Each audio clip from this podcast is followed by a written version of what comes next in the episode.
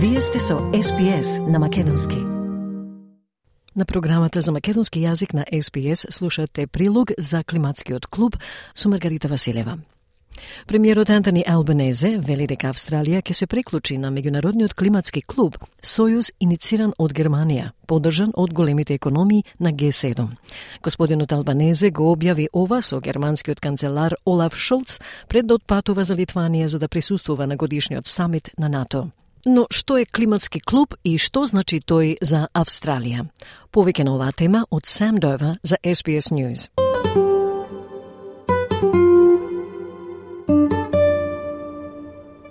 Австралија треба да се приклучи на климатскиот клуб иницииран од Германија како дел од растечките меѓународни напори да се насочи кон обновливи извори на енергија и извори на енергија со нулта емисии.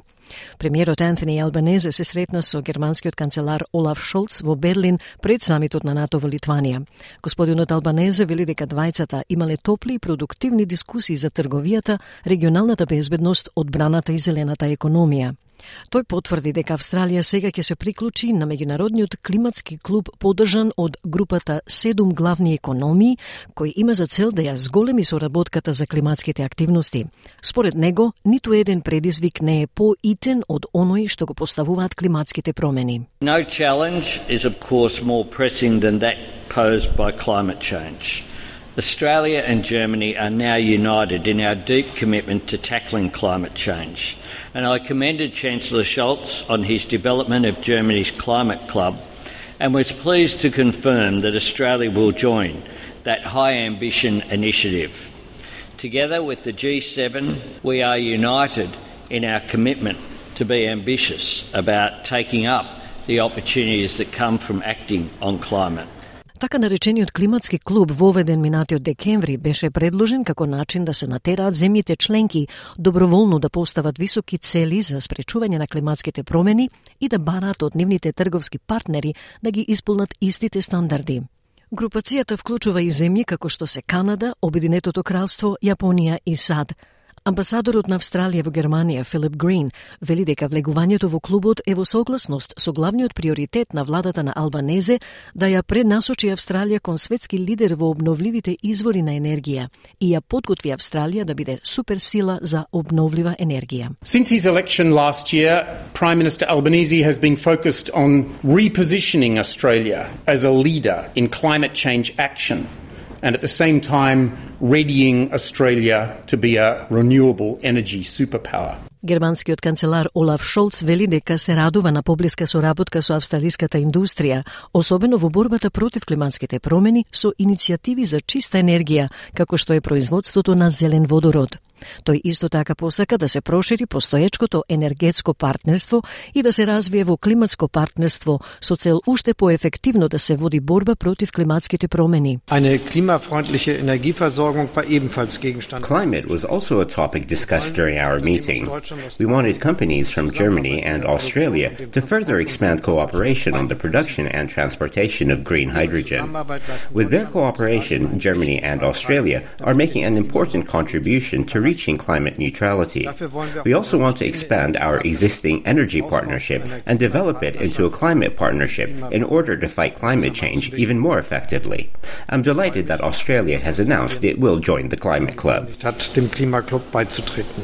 Зелениот водород се однесува на новонастанатиот стил на производство на водород, каде што, за разлика од другите видови водород кои се направени со јаглен и конвенционален природен газ, зелениот водород се произведува со користење на обновливи извори на електрична енергија.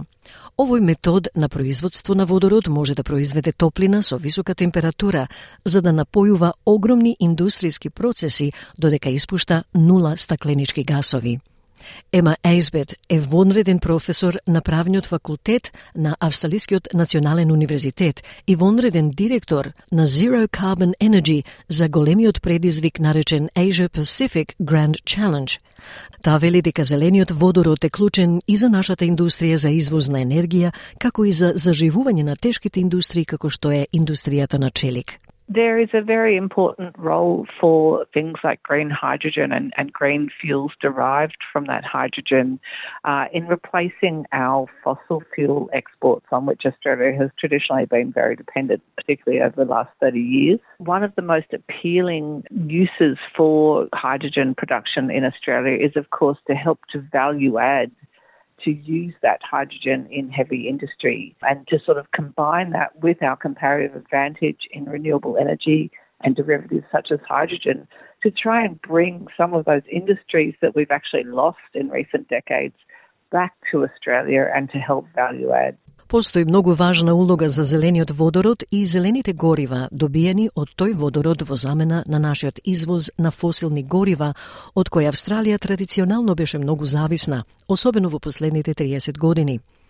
Една од најпривлечните употреби за производството на водород во Австралија треба да додаде вредност, да го искористиме тој водород во тешката индустрија и да го комбинираме тоа со нашата компаративна предност во обновливите извори на енергија и дериватите како што е водородот, за да се обидеме да ги вратиме некои од оние индустрии што ги изгубивме во последните децении во Австралија, изјави Ейсбет. Things like the G7 initiative and in general this sort of export potential is really important for the political narrative in Australia and it helps us to to push our you know relatively moderate domestic climate goals that bit harder because and that is absolutely what the Europeans in particular are aiming for. They're aiming to sort of dangle that export market carrot in front of countries like Australia and, and use that to raise our climate ambition more broadly. Таа вели дека климатскиот клуб и сличните меѓународни иницијативи за зелена енергија се обидуваат да ги охрабрат земјите како Австралија да бидат малку поамбициозни со своите цели за намалување на емисиите. Премиерот Албанезе ги повтори актуелните климатски цели на Австралија за 43% намалување на емисиите до 2030 година со нето нула до 2050 година. Планот за 2030 година ја вклучува и целта енергетската мрежа на Австралија да биде составена од 82 од 100 обновливи извори на енергија. Господинот Албанезе го отврли тврдењето на еден новинар кој тврди дека владата на Антони Албанезе ги поддржува новите станици на Јаглен. Australia is very pleased and proud to join the Climate Club. Uh, there has not been a new coal-fired power station built in Australia, nor is there one proposed or under construction, and that is the case has been the case for well over a decade. And the simple reason is this that the cheapest form of new energy is renewables in Australia, like most parts of the world. And one thing we can do is to cooperate and learn off each other uh, because you can't address climate change as just a national issue. It has to be, by definition, a global response. Тој изјави дека Австралија е многу задоволна и горда што се приклучува на климатскиот клуб и дека нема изградена нова централа на јаглен во Австралија, ниту е предложена или пак во изградба во повеќе од една деценија. Господинот Албанезе го покани канцеларот Шолц да ја посети Австралија како гостин на владата следната година. СПС на Македонски. Споделете ги нашите приказни на Facebook. Стиснете, ми се допаѓа, споделете, коментирајте. Следете ја SPS на Македонски на Facebook.